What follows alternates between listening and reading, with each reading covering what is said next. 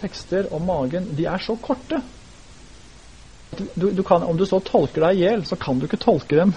De, de, de, sier så lite. Eneste måten å få de tekstene til å tale, er å få inn relevant bakgrunnsmateriale. Det er det jeg prøver på nå. I sin kjente tale om kransen, de corona, så anfører Demosthenes mot sin motstander Aisines. Han holder en tale mot han, og sier at Aisines og hans meningsfeller de måler sin lykke på magen og organene under magen. Jeg hører formuleringen. Minner om filaen. Magen og organene under. Det korona 296. De anklages med andre ord for å være hektet på kroppens sug, på magen og på kjønnsorganene. Anklagens umiddelbare sammenheng er ikke at Aisines er en storspiser, men at de ikke har opptrådt som gode og troverdige borgere. De har søkt egen vinning istedenfor Atens beste. Omkostningene ved å være en god borger, som bl.a. viljen til å dø for byen, den har Aisines ikke tatt på seg. Og eh, Demosthenes spør f.eks. i dette skriftet soldatene som døde ved termopylene, de ville ikke dødd hvis de hadde yrket sin egen mage. Det, det, det er bildet av borgeren som, som, i en krisesituasjon kun søker sitt eget. Dette er for meg et eksempel på en figurativ bruk av magen. En, en figurativ forlengelse av magens umettelige appetitt i retning av hele tiden å søke sitt eget. Mosternes anvender i grunnen ikke en annen retorikk, anvender i grunnen samme retorikk som Sokrates gjør, ifølge Xenofon i Memorabilia, når han sier at den som skal styre en by, må være sterkere enn sin egen mage. Jeg mener at dette materialet er egnet til å fornye lesningen av Filippebrevet 3. Magens sug, som blir hyllet lik en gud, representerer det selviske liv. Paulus advarer mot er en livsstil som gjør kristne til fiender av Kristi kors. Det handler ikke om å ha en annen teologi om Kristi kors.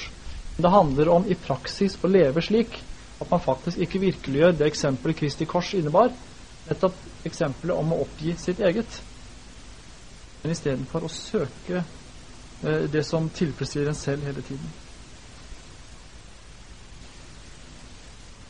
Det er med andre ord en måte å leve på med fokus på seg selv og sitt eget, som de facto innebærer en praktisk underkjennelse av det eksempel som Jesus ga med sin død.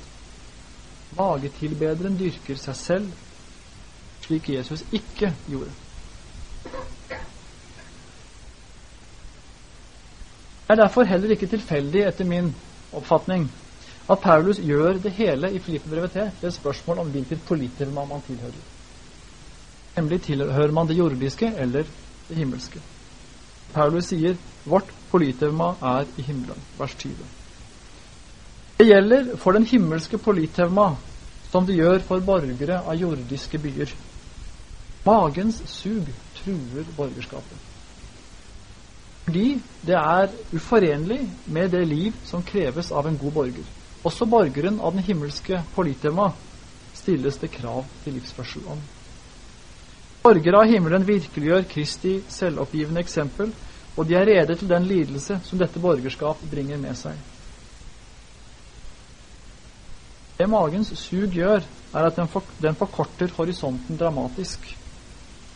Målet for livet blir ikke bare nå, men det blir faktisk fortapelsen, sier Paulus.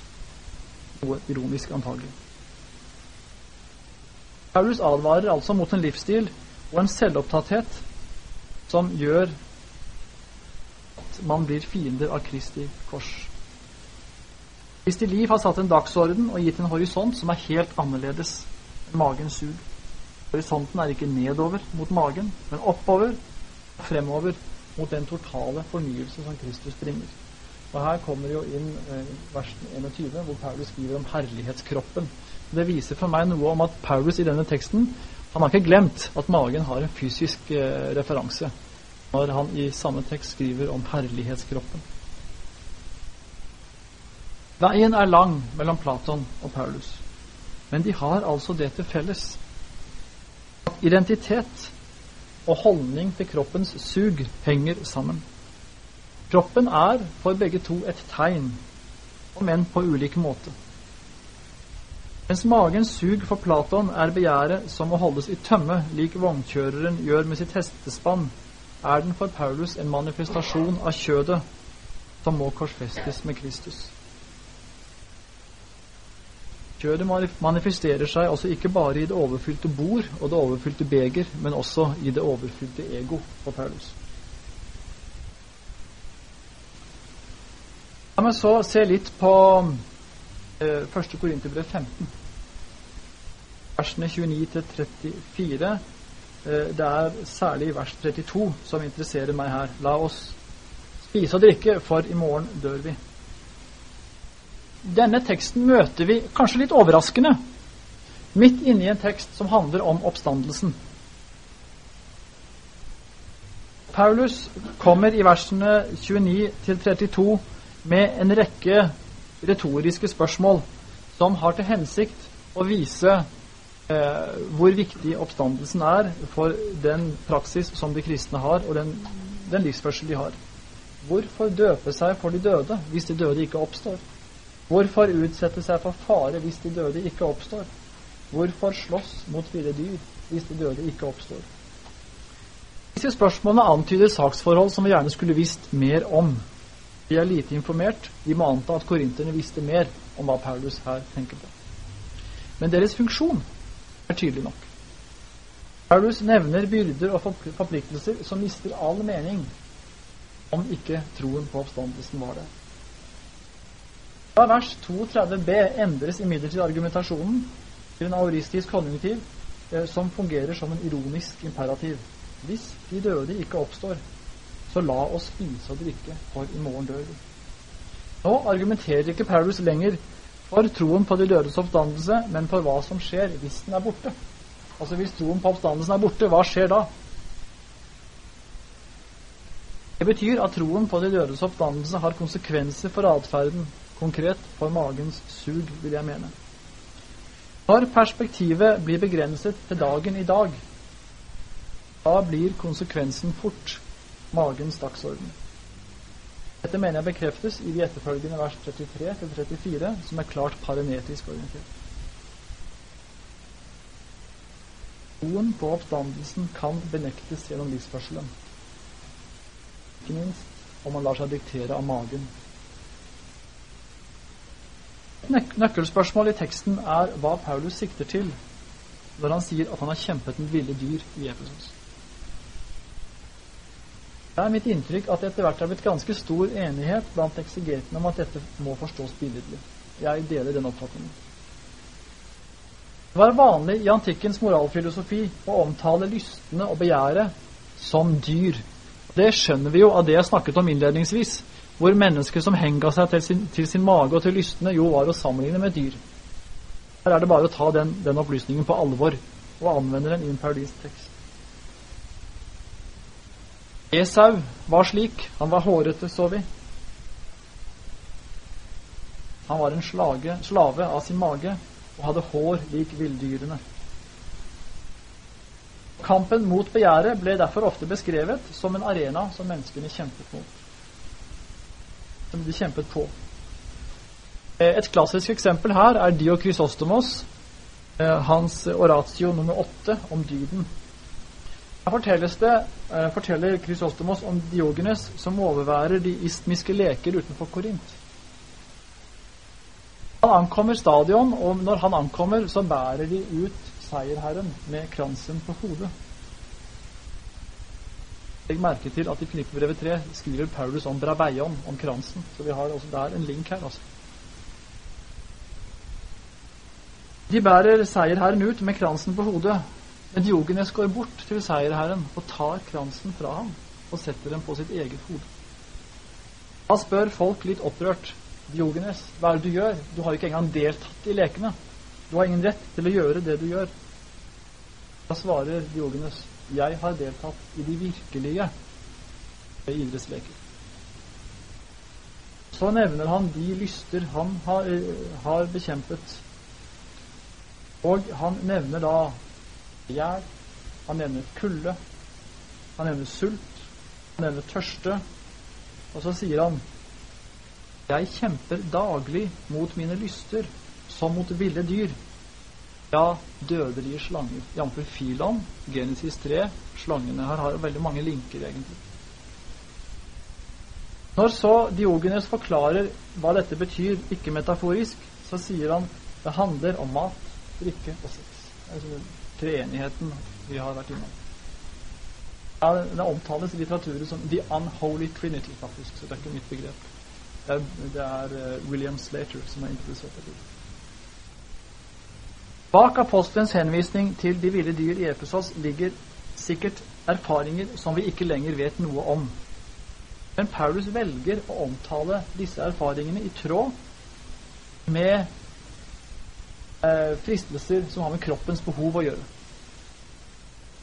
På en slik bakgrunn blir det også naturlig at Paulus fortsetter med å nevne spising og drikking. Altså, så kommer vi umiddelbart, umiddelbart la oss spise og drikke. Dersom oppstandelsen ikke er der, la oss spise og drikke, for i morgen dør vi. Vers 32 er et gammeltestamentlig sitat fra Isaias 22, 13, Septuaginta. Men konteksten gir sitatet avgjort et gresk touch. Og Når vi kommer til patristikkerne, så er det flere av dem. Når de, når de skal nevne Paulus' forhold til greske filosofer, så nevner flere av de faktisk denne teksten, som er en GT-tekst, uten tvil. De nevner den som et epikuresk sitat. De oppfatter det som et epikuresk sitat. Det tror jeg mange av Paulus' lesere har gjort også.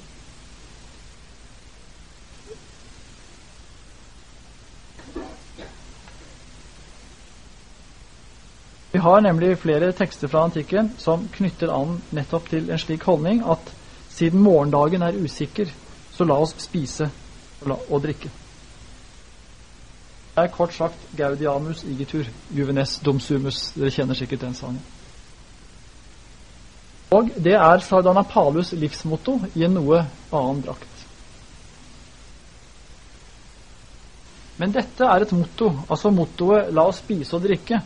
Det er et motto som ifølge Paulus forutsetter en usikker morgendag som forkorter perspektivet til i dag og til øyeblikket.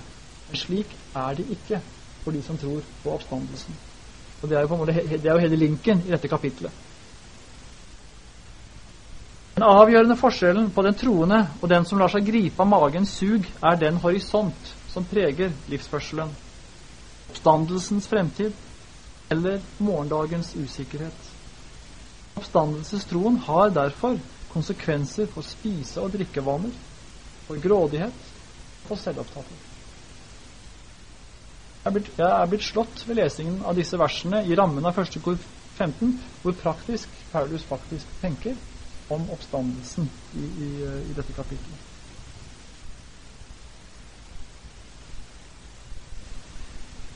Jeg har på det arket dere har fått, også satt opp, uh, forsøkt å sette opp noen punkter som viser hvor dere Filippebrevet 3, 17-21 og første kor 15, 29-34 faktisk minner om hverandre. I Filippebrevet 3 Paulus kjemper for kransen. I kapittel 15 i første kor han kjemper med ville dyr. I Filipperevet 3 eh, de troende er borgere av himmelen, og de har et oppstandelseshåp. Første kor 15 er jo, selve konteksten er jo oppstandelsen fra de døde, både litterært og saklig. Det er det ene side, den positive siden av det. Mot dette står da de som har magen som Gud. Første kor 15. La oss spise og drikke. Filipperevet 3. De er opptatt av jordiske ting. I første kor 15 innebærer dette en praktisk fornektelse av oppdannelseshåpet. I Filippbrevet 3 de setter sin ære i sin skam. For meg er det en referanse til symposiene. I første kor 15 de ødelegger gode vaner. Der dukker også ordet skam opp. I Filippbrevet 3 de ender i fortapelsen. I første kor 15 de ender i død. Det er en påfallende likhet her. Den likheten er for meg da en begrunnelse for at første kor 15 faktisk også er en slik magetekst som jeg snakket om. Tekstene har den samme logiske struktur. En troende må slåss mot magens lyster og den skammelige opptreden den kan lede til, og hvis ende er død fortapelse. Begge disse tekstene representerer magen, den dramatisk forkortede horisont, i forhold til oppstandelseshåpet.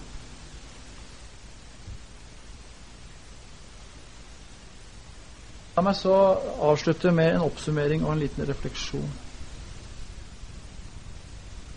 Disse magetekstene hos Paulus er, slik som jeg leser de, et møtested mellom gresk antropologi, antikkens moralfilosofiske oppgjør med epikurerende, symposienes nytelser og Paulus' teologi. Altså alle disse tingene veves sammen.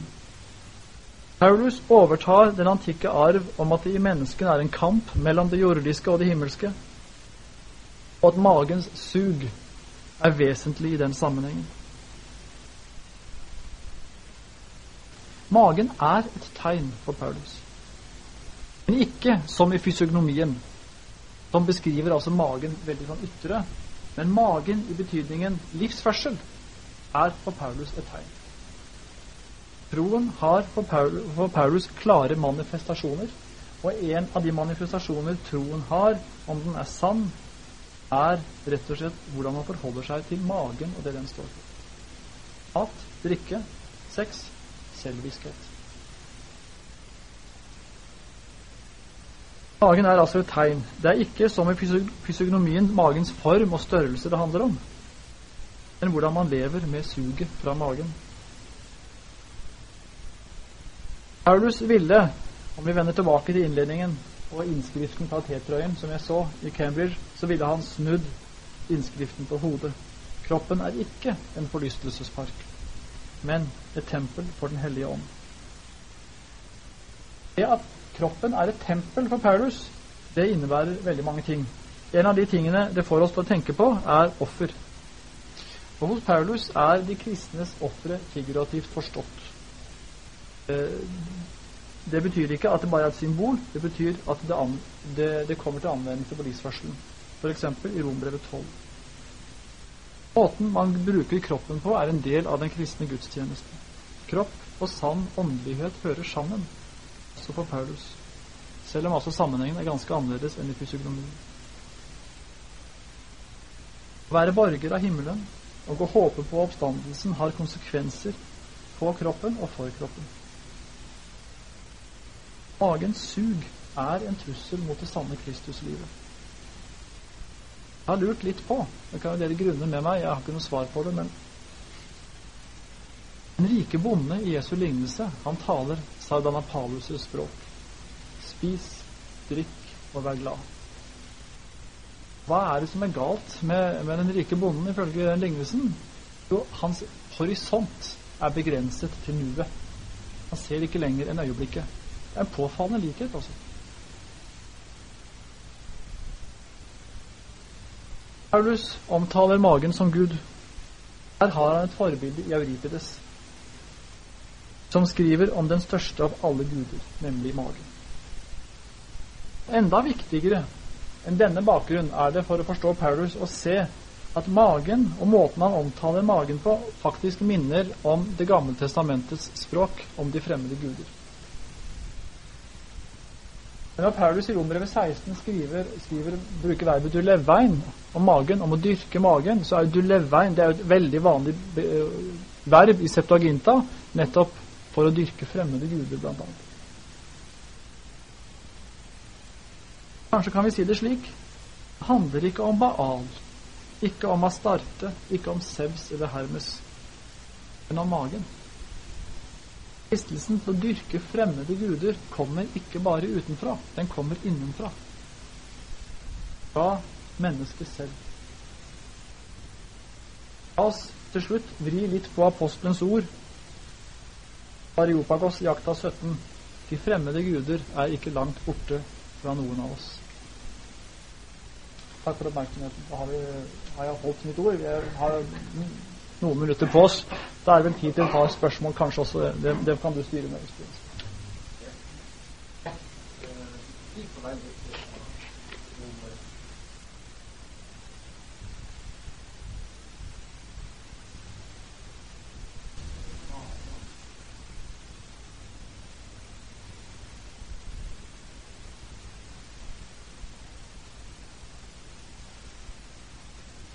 Jo, det har, det har du sikkert rett i.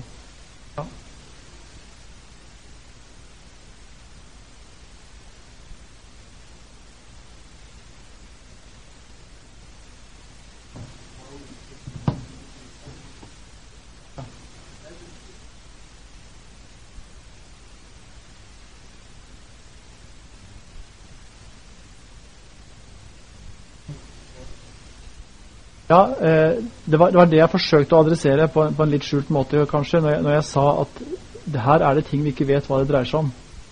Det må ligge noen konkrete erfaringer bak. Og du har helt rett i det. Altså det. Han nevner jo det er et eller annet i Efesus som har skjedd, men han velger å beskrive det i et språk som i antikken leder tankene i retning av eh, kroppens behov og kroppens lyster. Lenger enn det kan jeg ikke gå. Men det må være noe konkret. Jeg, jeg, jeg er enig med deg i. Men det er lite sannsynlig, tror jeg, at det dreier seg konkret om at han har kjempet i arenaen. For det første så gjorde romerske borgere gjorde ikke det. Og Hvis akta har rett i at Paulus var romersk borger, er det lite sannsynlig at han kjempet i arenaen. Det andre på arenaen ble du stort sett drept, altså.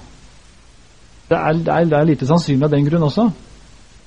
Og dessuten, verset etterpå handler om å spise og drikke i et språk som er gjennomført epikureisk. Så det er veldig mange ting som taler for dette. Den, den klassiske artikkel om dette, den som på en måte har, har, fått gjennomslag med dette, er jo Abraham Malherby. Han har skrevet en artikkel eh, som heter 'Beasts in Ephesus' i Journal of Biblical Literature 1968. Uh, og Den artikkelen tror jeg har overbevist veldig mange. Det er mitt inntrykk i hvert fall. Men spørsmålet ditt henger der. Det tror jeg ingen kan svare på. Men det er jo på, samme, på samme vis med dåpen for de døde. Hvem kan gi et godt svar på det? Det, det, det vet vi vel ikke så mye om.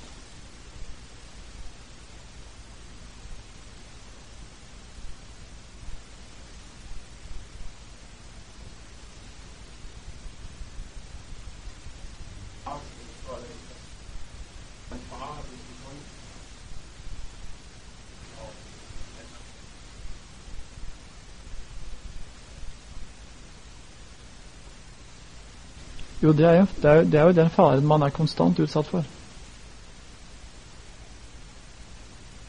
Hva, hva tenker du på i vers 30?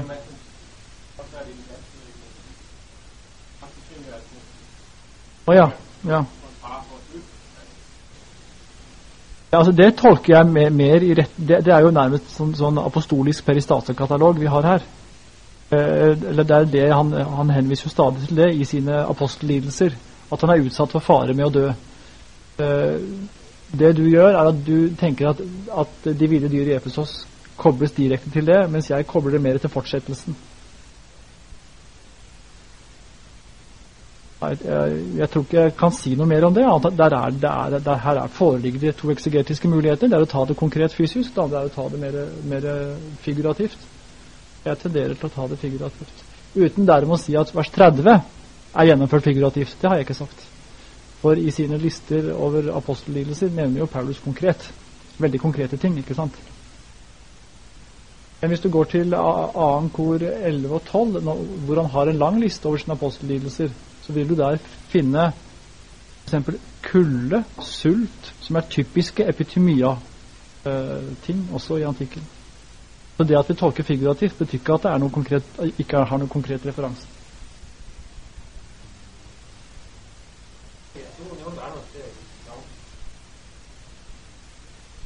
fyre op og ned på det. Jeg tror, jeg tror, ja, ja. tror det er det med, at når de, det må man luse det, dem giver vi så meget øh, ære. Jeg synes, det var interessant, at vi diskuterede det, fordi det er jo lidt, jeg går frem ind, når det er, det er det, der er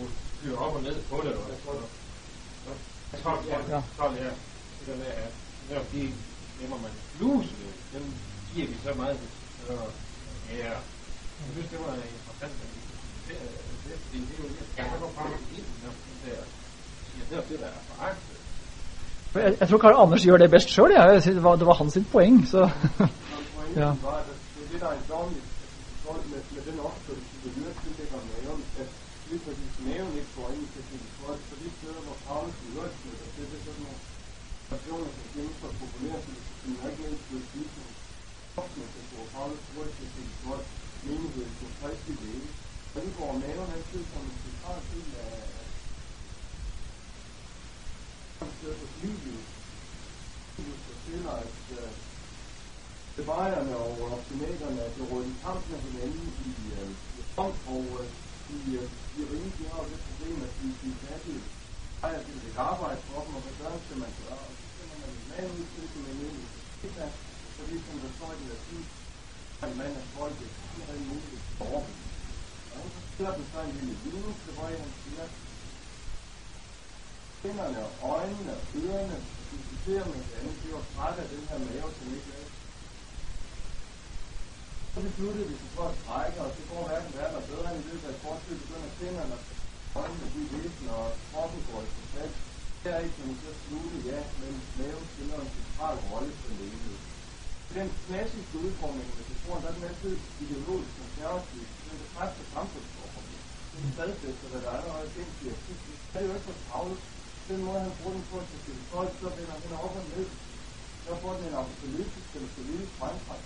Når han hævder, at det i virkeligheden er de andre lemmer, det er kønslemerne, som tildeles den allerstørste vægt, og som vi tillægger allerstørste ære, og som også skulle har sammenføjet til kroppen på en sådan måde, at det er dem, der er væsentlige. Og så var et spørgsmål, hvorfor så ikke også maven i den sammenhæng? Hvorfor optræder maven ikke? Når den i øvrigt i den parallelle brug af metaforen på det system, video, der er maven altid, altid. Det er meget mærkeligt. Ja, og det kan ikke jeg gi noe godt svar på. Ja. Ja. Så øh, vi må runde af nu, og jeg vil bare sige en stor tak til dig, Olof, for det er meget spændende foredrag. Øh, der var stillhed i forsamlingen her.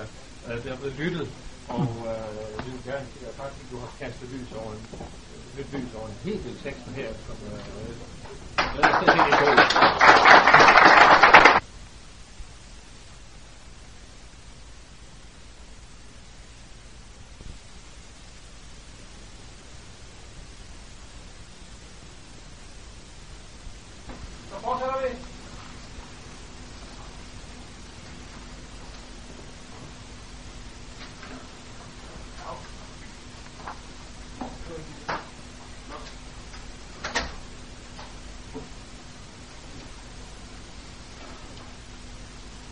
Ja, da fortsetter vi. Eh, Det skal bli tid til samtale. Jeg skjønner at det er blitt litt heavy for noen, eh, stoffet her.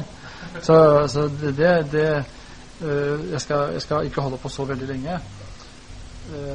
Vi er ferdig med inclusio, eh, og vi kommer da til hustavlen. Det jeg nå har sagt om inklusio, altså at hustavlen på en måte i begge sine ender handler om å gjøre godt, det må få den praktiske konsekvens at hele hustavlen er et eksempel på å gjøre godt. Du har på en måte du har inclusio del A handler om å gjøre godt. Inclusio del B siterer Salme 33 in extenso nærmest og handler om å gjøre godt.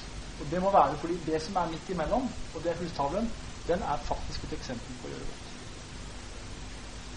Eh, og det som da skjer, det er at vi møter, vi møter først slaven i 218 FF. Vi møter eh, den kvinne som er gift med en mann som ikke tror. Eh, og jeg tror at de mennene det er snakk om, det er mer enn vantro menn. For det, det, brukes et, det, det verbet som brukes, dukker opp et sted til i første Petersbrev, nemlig i teksten om de ulydige ånder. For verbet har et liksom nokså negativ valør. Jeg innbiller meg at de mennene som ble gift med, det er ikke bare vanlige menn, men det er de representerer på at eh, de fire krefter. Eh, og så dukker ektemennene faktisk også opp. Altså mennene. De skal ta seg av den svakere part, står det. Det er også å gjøre godt. Så, så vi får, vi får altså, disse eksemplene på det å gjøre godt. Og jeg tror noe av poenget for Peter er å fastholde at uansett hvilken posisjon man er i, kan man gjøre godt og opptre som modig. Snakket litt med Georg om det her i pausen. Det er noe med å bevare en verdighet.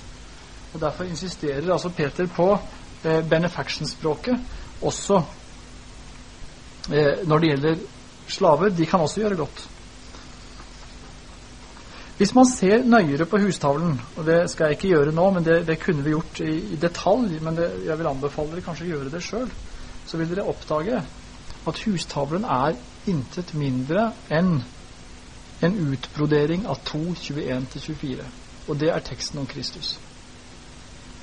Altså, det bildet som gir, gis av Kristus, det er det som på en måte bærer hustavlen. Kristus gjorde selv godt, og det, det er det som gir innhold til hustavlens eksempler.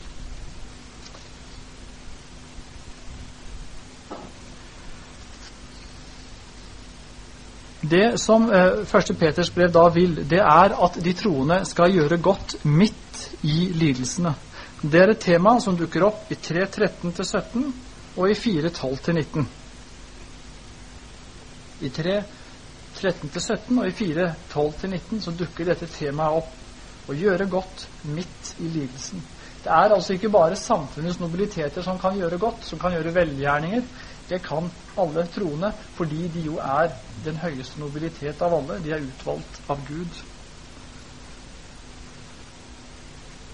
I denne situasjonen, hvor de gjør godt eh, i midt i det at de møter lidelser, så gjør de som Kristus. De overgir spørsmålet om fremtid og ære til Gud. Om Kristus står det slik Han gjorde ingen synd, og det fantes ikke svik i hans munn. Han skjelte ikke igjen når han ble utskjelt. Han truet ikke når han led, men overlot sin sak til han som dømmer rettferdig.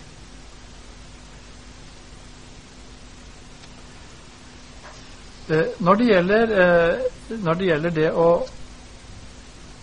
å lide som en rettferdig, som jo er et tema som knyttes opp til slaven de to 18 og det følgende lide eh, med en god samvittighet. I 2.19 står det eksplisitt det. Så er det formuleringer som møtes mange ganger i 1. Peters brev. Og Det er litt interessant med tanke på én tekst som er veldig omstridt. Eh, den står til og med omtalt i, eh, i dogma, dogmatikker ofte. Eh, 3.21. Dåpen er ingen renselse fra ytre urenhet. men en god samvittighets bekjennelse til Gud, står det i den norske oversettelsen. Jeg tror det er litt misvisende. Det det er snakk om i 3.21, etter min oppfatning, det er lidende kristnes bønn til Gud om å gi dem sin rett slik Kristus gjør, ifølge kapittel 2. Med andre ord, eperotema er ikke bekjennelse, men det er bønn. Bønnen, Dåpen er en bønn til Gud fra den fra f.eks. slaven som lider, men med en god samvittighet, og som vender seg til Gud. Og Dåpen er da denne henvendelsen til Gud om at han skal gi ham hans rett til slutt. Og det er den ære og Nå kommer æresbegrepet fra benefaction-terminologien inn igjen. Til slutt er det Gud alene som kan gi denne æren. Med andre ord, det å gjøre godt i 1. Peter er en strategi for kristne som er i vanskeligheter. Samfunnet kan kun gi en delvis bekreftelse på den gode atferd de fører. Den endelige anerkjennelse, den er bønnen, den er dåpen en bønn om å få, og den hører fremtiden til. Dette leder meg til slutt til å si noen få ord om ære i 1. Peters brev. Det har Bruce Winther påpekt hvor viktig dette temaet ære er i dette brevet. Og det er et, det er et begrep som er knyttet opp til, eh, til eh, benefaction-språket, velgjørerspråket. I 1. Peters brev derimot tror jeg det er vekten ligger på at æresbegrepet det er rotfestet i brevets kristologi. Det går som en rød tråd gjennom brevet. Kristus led, og deretter fikk han doksa ære. I 1.11 har vi det. I 1.21 og utover hele veien. Kristus led, og så får han ære etterpå. Og når brevet innledes med den innledende eksordium i 1.3-12 så omtales det både epainos, doxa og timé som de kristne skal få. F.eks. i kapittel 1, vers 7. Slik blir troen deres prøvet. Selv forgjengelig gull blir prøvet i ild. Troen som er mye mer verdt, må også prøves, så den kan bli til pris og herlighet og ære for dere når Jesus Kristus åpenbarer seg. Pris, herlighet, ære. Dette er jo benefaction-språket. Dette er jo det myndighetene ga til den offentlige velgjører. Men her er dette språket da brukt i en annen sammenheng, og bakgrunnen er at slik var det for Kristus. Gud ga ham hans ære til slutt. I 1.4 så skriver, eh, skriver 1. Peter at vi skal få en arv som aldri forgår og ikke flekkes til eller visner. Den er gjemt i himmelen for dere. Der bruker han en språk som dukker opp igjen i kapittel 5 vers 4 om den uvisnelige krans. Og kransen er jo en av de synligste æresbevisninger som det antikke samfunn kunne gi, men her møter vi det altså i eschatologisk mening.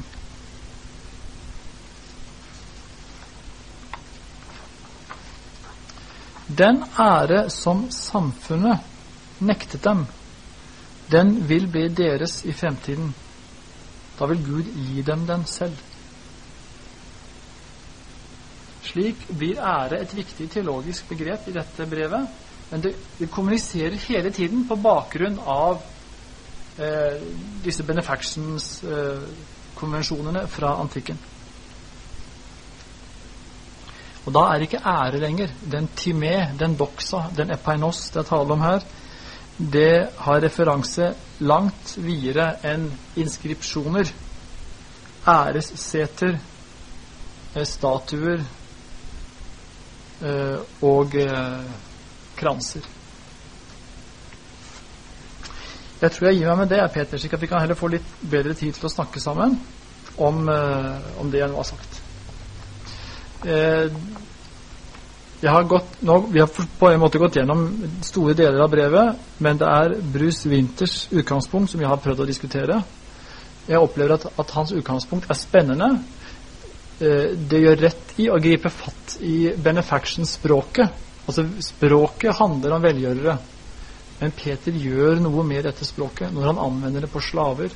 Når han anvender det om kvinner som er gift med, med ektemenn som truer dem da, og når de skal opptre som velgjørere, så, så snus rollene opp ned. Men Peter holder fast på nobilitetsspråket. For det å være velgjører i antikken, det var å være nobilitet. Og det syns jeg er litt fascinerende. Ja, da, da tror jeg vi, vi, kan bruke tid, eh, resten, til å samtale litt om første Peters brev, gjerne generelt, eh, og, og med utgangspunkt i det som jeg har sagt.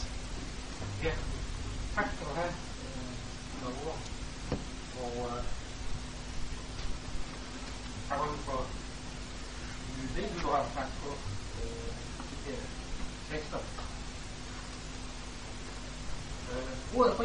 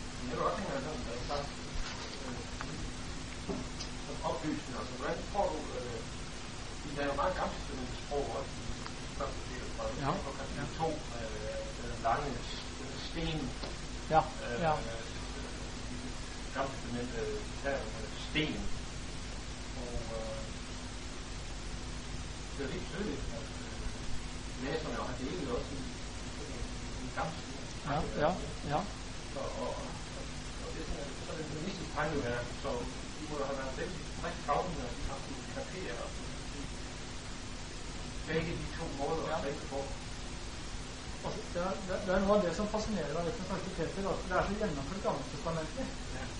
Allerede i den første setningen i brevet fremmede, ikke sant? fremmede i diasporaen. Der anslås det tunge bibeltrolske motiver. Eksil, diaspora, utvelgelse antydes allerede der. Så det er, det er litt tungt inni Det gamle testamentet. Men, eh, ja, og det er som du vet i tillegg til mange andre. Men så er det også det beste er veldig fremme når når æren er en krans i fremtiden, så er det et Eh, og eh, gjøre godt er et fredsbegrep så vel som i testamentet av 33. Det er en smeltedigelen. Smeltedigel er jødisk og gresk tradisjon som går sammen. Det er noe av det som jeg håper til slutt å kunne vise i, i dette som jeg holder på med nå. Hvorledes disse tradisjonene vil smelte sammen og motfolkes.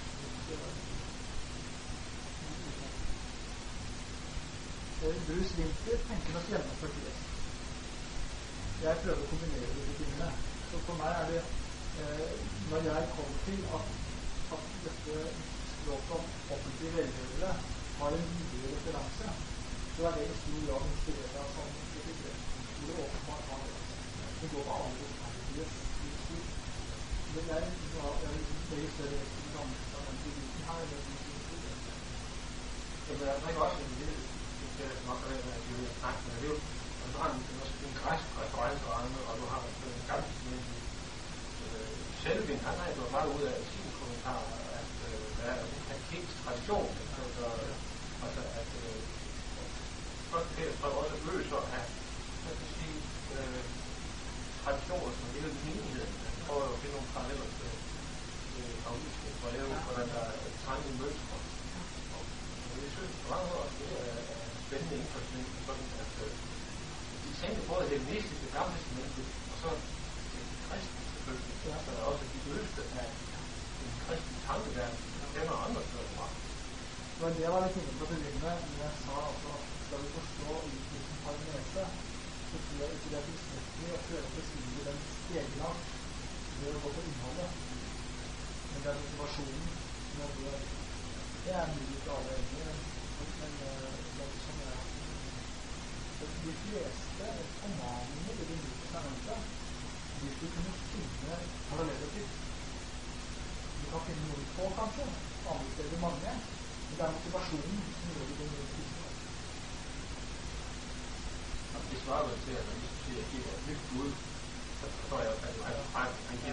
de elsker hinanden. Hvad nyt er der i det? Ja, ja. det er motivasjonen som er. Ja, det motivasjonen Ja. Men det som da det som, det som, det, det som da Prøfeten gjør, er at han, han, han holder fast på at det er kongers etikk til å bruke det. Som er utgangspunktet for å forstå den kristelige livsførsel.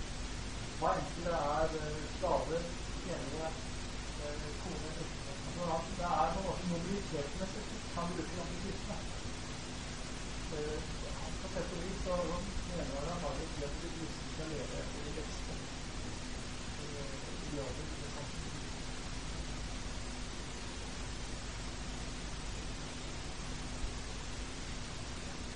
做第二轮。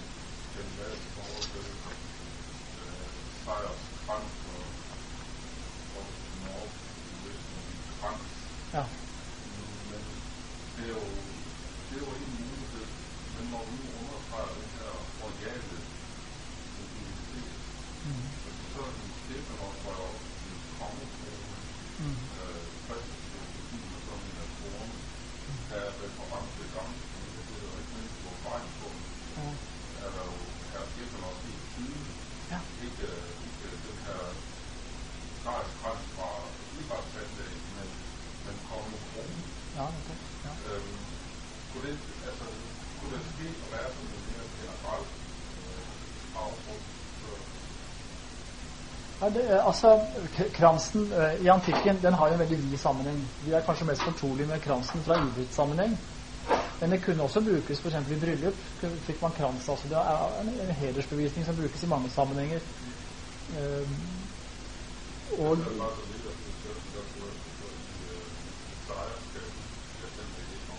ja, ja, ok. Men du har helt, du har helt opplagt rett at Johannes' åpenbaring så brukes Stefanos eh, mye om eh, i kongelig betydning. Den, den tanken skal jeg ta med meg, fordi at når, når, når Peter omtaler de kristne som kongelig presteskap, og så Stefanos dukker opp, så, så kan det godt hende at, eh, at det er en relevant eh, merknad. Altså. Ja. Ja. Ja, ja, ja. Ja, det har du helt rett i. Den, den, den, den er interessant. Da. Den ligger i grunnen bare bekreftet litt av det som jeg er ute etter. Ja, ja, absolutt. Men så har du andre sammenhenger, for å vende tilbake til Filippebrevet 3, som vi hadde i morges. Der er det idrettsmannen. Når Paulus der bruker ordet brabeion, som er et synonym til Stefanos. Der er det idrettsmannen, uten tvil. Ja. Første kor 9 er det Ja, ja. Så. Eh, Men det behøver ikke alltid være idrettsmann. Det har vi rett i. Det har det absolutt.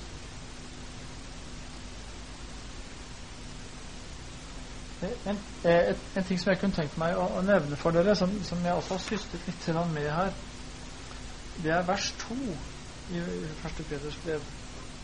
Hvordan er den oversatt på dansk? Kapittel 1, vers 2. Der møter vi nemlig ordet hypakoe, som jo er et nøkkelbegrep i hustavlene, og som vi så var et nøkkelbegrep i 1.13-25 og er, er da blitt et nøkkelbegrep når det gjelder det å gjøre godt. Slaver gjør godt ved å underholde seg enn å være lydige. Men her møter vi det allerede i 1.2. Men hvordan skal den forstås? Kan noen lese den danske oversettelsen for meg?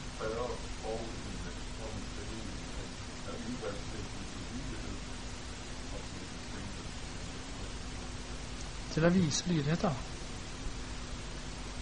Akkurat. Det, det, var en oversettelse som jeg var mer enig i enn, en det som ofte i, de, i de, de, Den vanlige oversettelsen er f.eks. i New Revised Standard Version. Der står det To be obedient to Jesus Christ and to be sprinkled with his blood. Altså Man tolker det som at det er de kristne som skal være lydige.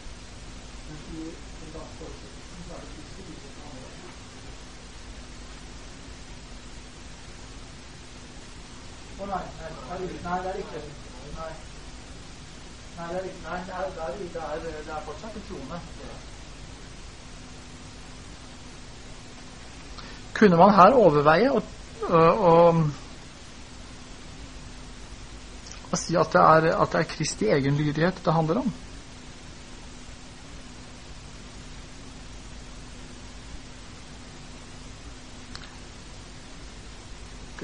Det er en artikkel av en som heter Francis Agnew, som har gjort det. Hvis det er riktig altså at da uh, Han oversetter det sånn Because of the obedience and the sprinkling of Jesus Christ. Altså at på grunn av Kristi lydighet. Det er da et, blir da et nøkkelord på Jesu død, faktisk.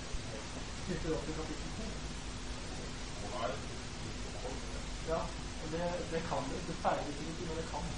Altså Preposisjonene på det blir altså skikkelig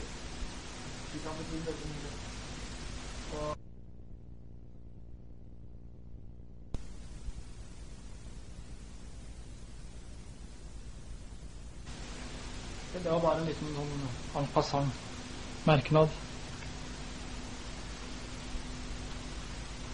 Det vil i tilfelle understreke forberede hustavlen allerede her, altså. Og Kristi rolle i hustavlen.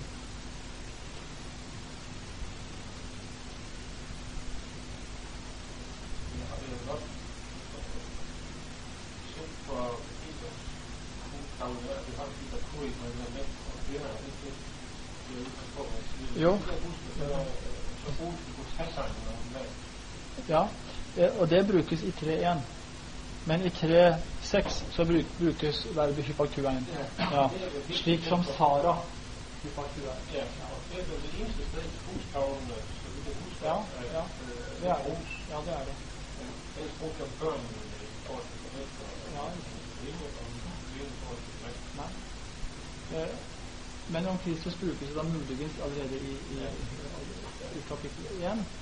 Og det er da det som i sak ligger i, i Kristi modell i kapittel 2.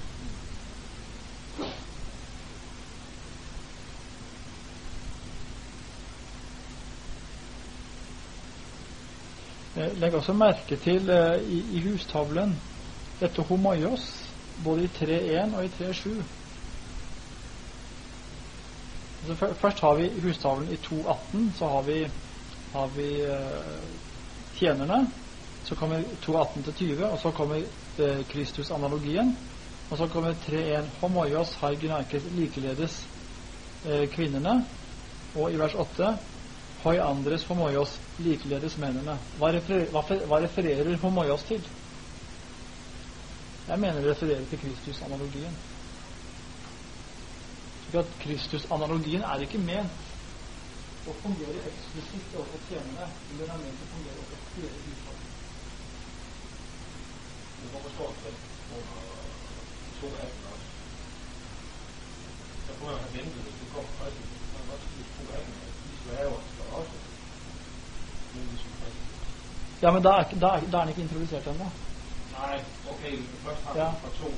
Den, kommer i 21 først, og så viser de andre tilbake. Så Grunnen til det det kan man bare gjette, men eh, Jo, det gør, det gør den jo faktisk. Sig dertil blev I kaldet for også Kristus led for jeres skyld. Og der er det jo i altså, informationen af Kristus, i 22, for netop som Ja. begrundelse for slaverne i 218. ja, det kan, ja, kan du si. Og så fungerer Homerios, øh, Homerios i, i 3 og Ja, Hotikai hoi Kristos. Er det det du mener? For også Kristus. Mm. Ja, jeg vil være enig med deg i det også. Ja, men øh, det er jo mig. Det, det er jo mig, der Jeg, jeg tenker meg at grunnen til at denne Kristus-analogien kommer knyttet til slavene, der, der er det mest eksplisitt. Eh, Det er at det er den, det er den gruppe av de som Peter nevner, som på en måte er mest utsatt. Eh, og Derfor så, så kommer den der. Det er ikke øh,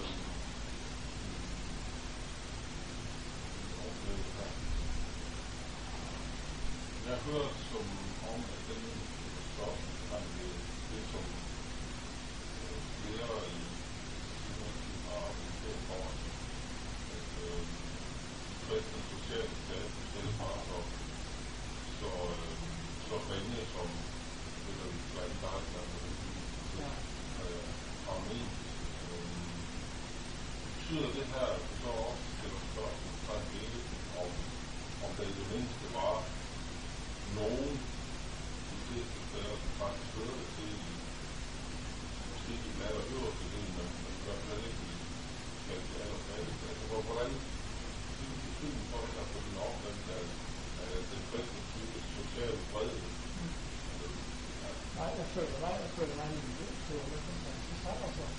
Og at den gamle konsensus, det var Adolf Eichmann, hvor han, han så på de første kristne generelt som, som, som slaver, fattige, integrerte. Og det den klassiske tekst der er jo første kor 1, 24, 24. Ikke mange religioner, ikke mange former. Eh, Og det på en måte tok han som et generelt utsagn på hvem de kristne var. Så skjedde det en gradvis omsnuing på 1970-tallet eh, knyttet til f.eks. eh, Bruce Winter hører hjemme der, hvor, hvor man begynte å si at ja, Malmer du også, at det er ikke, det er, det er, ikke- det er ikke riktig. Det står ikke mange, står i eh, første det betyr at det var noen som faktisk kunne ha disse eh, privilegert status.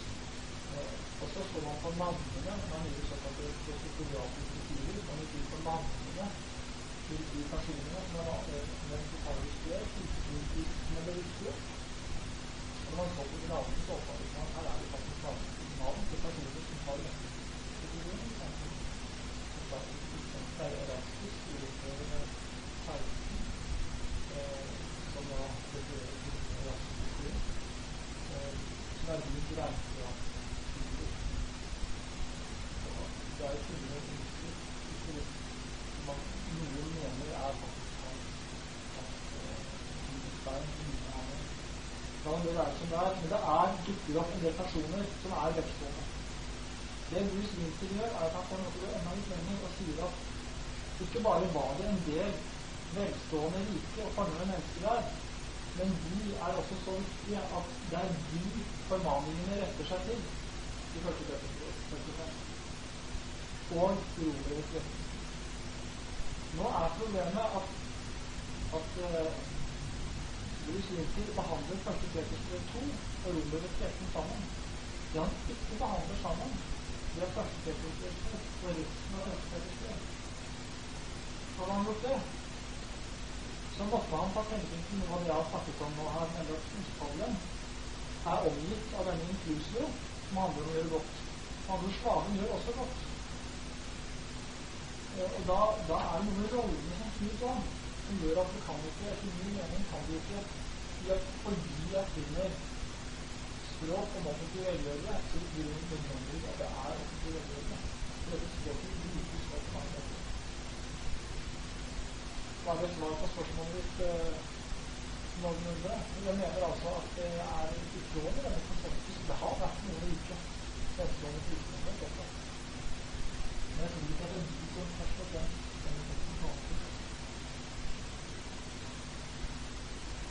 den, den teksten jeg uh, er mest villig til å komme Guds ord til møte på, det er 14, som jo er hans hovedtekst. Når ta med om myndighetene skal gi ros til det som gjør godt der er, det er hans beste belegg. Men han tar bare det belegget. Han bruker ikke de andre tekstene. Det er problemet. Men nettopp den teksten slår man den udlægelse med fra hans de underordnede. Og lige netop den tekst, der omtaler myndigheden, taler jo ikke om at, at, at være benefaktor. Den taler om underordnede. Ja, og så taler den ikke bare om at myndigheten gir ros, men den taler også at den straffer. Ja. Du får en, du får en omtale, altså Myndighetene omtales ut fra sin dobbeltfunksjon, å straffe og rose. Så det er en måte å omtale myndighetene på som etter min mening er noe annet enn benefaction. Men selve underordningstermen fungerer jo heller ikke godt. Det er å gjøre det gode. Nei, nei, det gjør ikke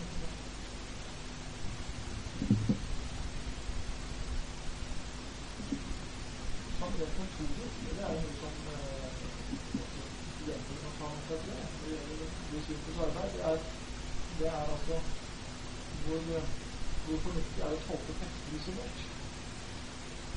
Liksom grad det man ser det i sammenheng med hele brevet. Altså, Bluesvinkel tolker kanskje tekststrukturen og sier dette er et tekst som offentlig velgjørende. Og det gjør godt, er en teknisk term. Og hvis en term er teknisk, så skal den etter ni minutter bety det samme hver måte, mer eller mindre. Det er det som gjør den teknisk. Men du gjør altså ikke mer enn noen få vers videre før slaven også skal gjøre godt. Og da begynner jeg å lure hva, har skjedd nå? Er termen fortsatt teknisk? Tenker Peter seg at slaven skal få overrakt en kran, så blir din praten tenker han at slavens mann skal slås opp om fortsatt. Det gjør han ikke. Vi har, vi har ingen vi har jo ingen uh, tidlig tid som viser det. At kristne, at kristne tekster som viser at de har er for offentlig religion, så har. Den eneste som, som du sikkert kan vise til, det er.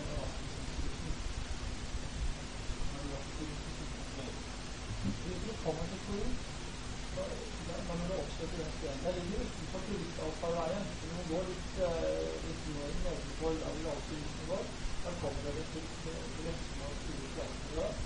Og der ser dere at det er lagt et Det har vært et stort Og Så resten av det er store steinheller. Og inni der så ser du en, en, en utgift. Den har høyst sannsynlig vært vært bronse inni Jugoslavia, som er, som er. Den bronsen er selvfølgelig borte. Da Der står det på latin, da, Erasmus, og så står det vel ikke dette nøyaktig, men altså Paul av anonymt regnskapsfører og det latinske ordet som brukes svare på denne. Det var også utskift da han beskriver det. Det blir sånn ja, det er et latinsk ord, men det, tas vanligvis for å bety det samme som også nomikros. Det er en debatt om dette her, så har lest det, og, den, og, og den, den, den er ikke entydig. Men, eh, men han har da denne steinen Han har tatt en står at Erasmus, regnskapsføreren, betalte for denne republikken. Hvor retningen av det. Og det er han typisk som mann. Han har betalt for stenhellene få tilgjengelig for det, så Og du fører litt på den måten. Det er. Det var. Hva får du nå? Nei, det er ikke det. Nei, nei. Nei, det er ikke det. Eh, Men så er jo den, den vil nok den, den viser ut til de. Men problemet er hvis du kommer dit, og hvis vi på det, da kan du på en måte leke at biologer så tenker man at dette her er av stenhellene. Her er det én stenhelle, og så er det én stenhelle her. Så begynner innflytelsen her. Og så ser dere at forslagene de, er, de har en fast størrelse. Men den første én, den er kortere enn de andre forslagene. Og det sier mange arkeologer at de sier faktisk er. De sier at siden den første e-en, den virker som en streken en e skal ha en som skal ha tre streker. Men den streken her er ikke tydelig. Du ser tre sånne streker tydelig, men ikke den. Her er det sier arkeologer. Denne streken inntrykket er tydelig. For det kan bare forklare hvorfor endringen har blitt kortere. Den må frem bak her. Da vil det si at det har vært en annen sten her før. Og ingen kan vite hva som blir testet. Det kan f.eks. ha stått kjøtt eller astos. Det vet ingen. Det eneste man vet, er at den første en, den, den virker ikke da. Gud kan tyde på at det har stått noe før. Her har vi en sånn debatt om. Den, eh, og den, den, det kan dere se på flere steder kommer dit. Eh, Men det er det eneste stedet hvilket kan vise til at en mulig kristen person i forståelse har fått sitt navn eh, bekjentgjort som en offentlig velger. Og som dere skjønner, er det mye usikkerhet i det. Han bestemmer seg ikke som kristen, selvfølgelig. på- Men her står det ikke noe om det. Nei, eneste eneste linken er at det er førsteårsnivå. Navnet er Raspas, og så denne tidspunkten. Det er eneste linken. Men det er også arkeologer som sier det må være. De må Men det som er interessant med det, og også med Bruce Wilkers bidrar her, for selv om jeg på en måte er inspireringen av, det er jo at vi lever i en sosial verden som vi ikke teksten har muligheter. Og som også da den utenlandske parlamentet fungerer i forhold til. Det tror jeg er interessant. Det er ikke så medisinsk øh, udtryk. Øh, men jeg har øh, har jo sådan øh, 34 Ja, øh, det udtryk, og når vi er galt på, så kan jeg Ja. ja, ja. uden at jeg har kigget på det, men øh, det vil være naturligt at vente, og så er det. Mm. Og da er det like at jeg befinner fra 74 er det like. Ja, ja. Men også, tænker også på, at det vil vente, at det også findes øh, udtryk. Hvor man ting, hvor er,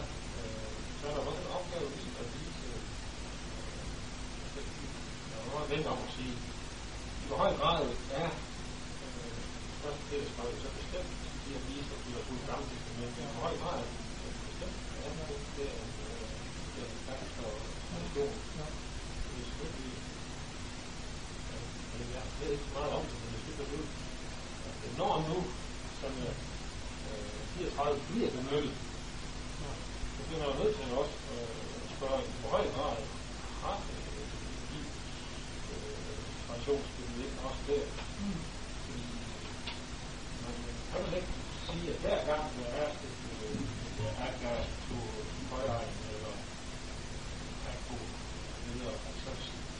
er det nødvendigvis. Det kan også være jeg det faktum har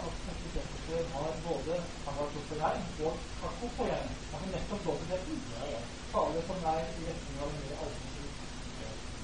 Eh, fordi faktisk for meg, altså det, det har ikke noe med å gjøre, enn det nettopp av velgerne, det det viser til mange sammenhenger.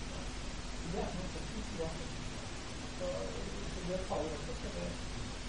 Det vi sier er interessant, for det vi står overfor her, er sånne grunnleggende kritiske spørsmål. Det ene er det inne på i stad, altså å tolke en tekst isolert fra resten av materialet i skriften. Det andre er hvilken bakgrunn skal vi bekrefte? Er det jøden som er en som egentlig jeg vil på en måte stille visdomsprogrammet i forrige forrige her og symmetrisk høyeste. Men men i det er, er. Ja, hvis, vi, følger på en måte den, den, den jødiske tradisjon, det gjør godt, så havner vi jo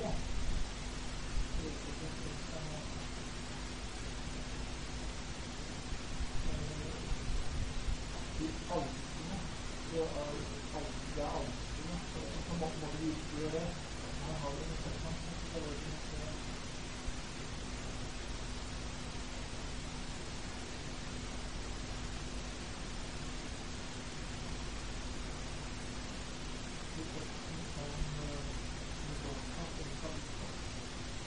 Ja, i akta 936. Hva hva ville du si til gjort med sånn tekst? Der står det altså at P1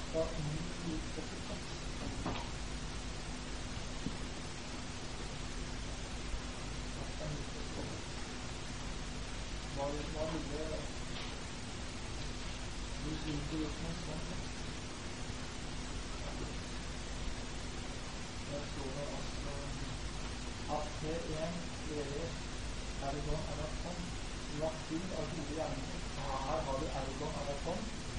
Det er, det er ifølge hvilken her, i. Men så utlegger ikke hva det betyr. Her eleven av kvinnen, som forlag, og barmhjertighetsgjerninger som vi gjør. Så her er det å gjøre er det vise barmhjertighet, det er den gamle.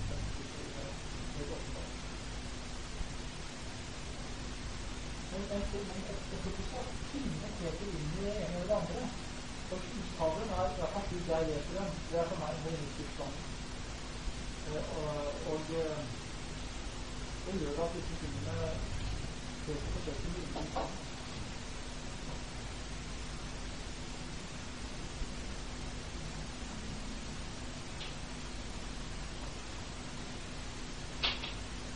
Det er faktisk meget spændende, synes jeg, at læse nogle tekster. Altså, kunstnere. Altså, det er levet i et samfund, hvor man har har der har tænkt på jødiske humanister, ikke? og så er det faktisk som kristne. Jeg synes, det er fantastisk inspirerende øh, også i dag. Så vi lever i en samme multikulturel situation. Ja, ikke? ja, ja, ja, det er helt enig. Men kulturen ligger av en kristelig identitet. Det er formen, folket, dette her, hvor verdier på en måte snus opp opp ned. da. som jeg gør det positivt på som jo også er vanligvis ligesom er den rette mod jøden, eller selvfølgelig med det i år. Paulus tager jøden i Rommen og fremstiller ham som et eksempel, at når ikke engang jøden han kan bestemme for det, det praktiske, så kan de andre selvfølgelig det. Og det er det i hvert fald svært at finde en pædagogik i kontekst. Ja, det er ganske mye. Altså. Det er ikke, det er ikke mye at man kan skjønne. Det er litt underlig. Det er rigtig gode gerninger. Det gør det faktisk også. Jeg synes, med Jørgen, Ja, ja, det har vi også, ja. ja. ja, Det, det, er, det tror jeg er, det er eh, den gamle testamentets tradisjon om øving av kvinner og barmhjertighetsgjerninger. Og det er den som dukker opp her. Det som er litt rart med første Peter, det er at han nevnes ingen barmhjertighetsgjerninger. Han gjør ikke det. Han, han, han gir ikke noen eksempler på retning av, dette her. Og det er det som eh, det er det som er litt overraskende. Han, han har hustavler. Eh, jeg spør meg litt når, når, han, når han sier i, i kapittel 3 vers 7 om den kristne ektemann skal forholde seg til en kone som en som tar seg av den svakere part.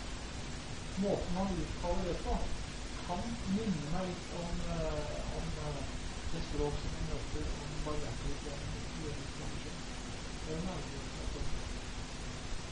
Så på, på, jeg, la frem litt av dette mennesket på første hva sier om paragrafer. Da ble det veldig debatt i forsamlingen om, om akkurat dette. Altså, noen mente å si at, at det gjør det godt, det må, fordi bakgrunnen er jøder, så må det bety paragrafer. Sånn som det Karmita her. Andre sa nei, det er et poeng for Peter å ikke eksemplifisere det men bare å si at dere, dere lever som mobiliteter, eh, og så skal man selv eh, virkeliggjør dette eh, der man finner at situasjonen sammenholder. At hushandling er det nærmeste hushandling eh, et eksempel på det.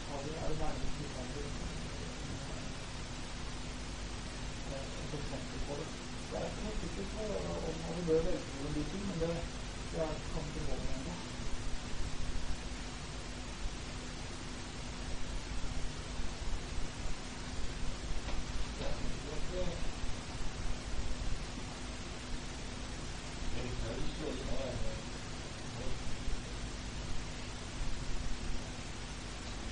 Ja, Carola, jeg tror, at vi vil øh, runde af nu og sige dig en stor tak, fordi du tog turen herned til os i Aarhus.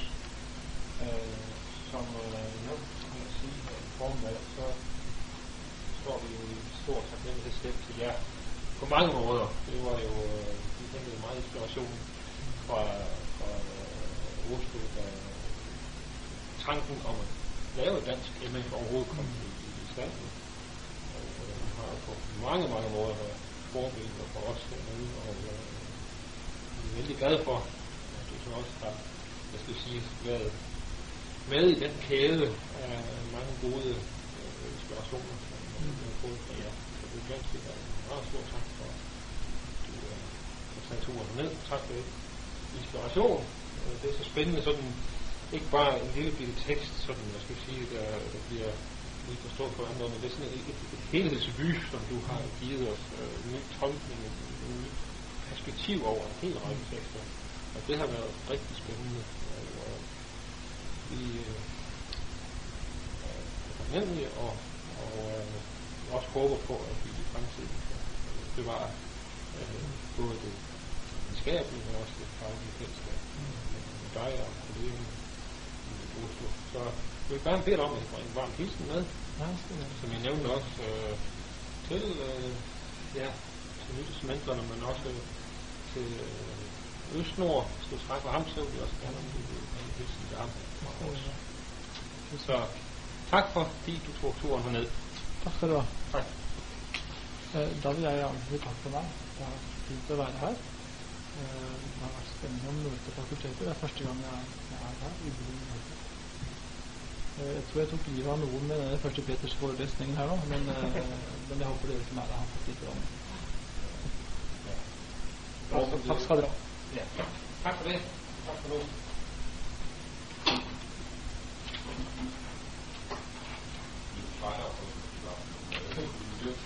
尿。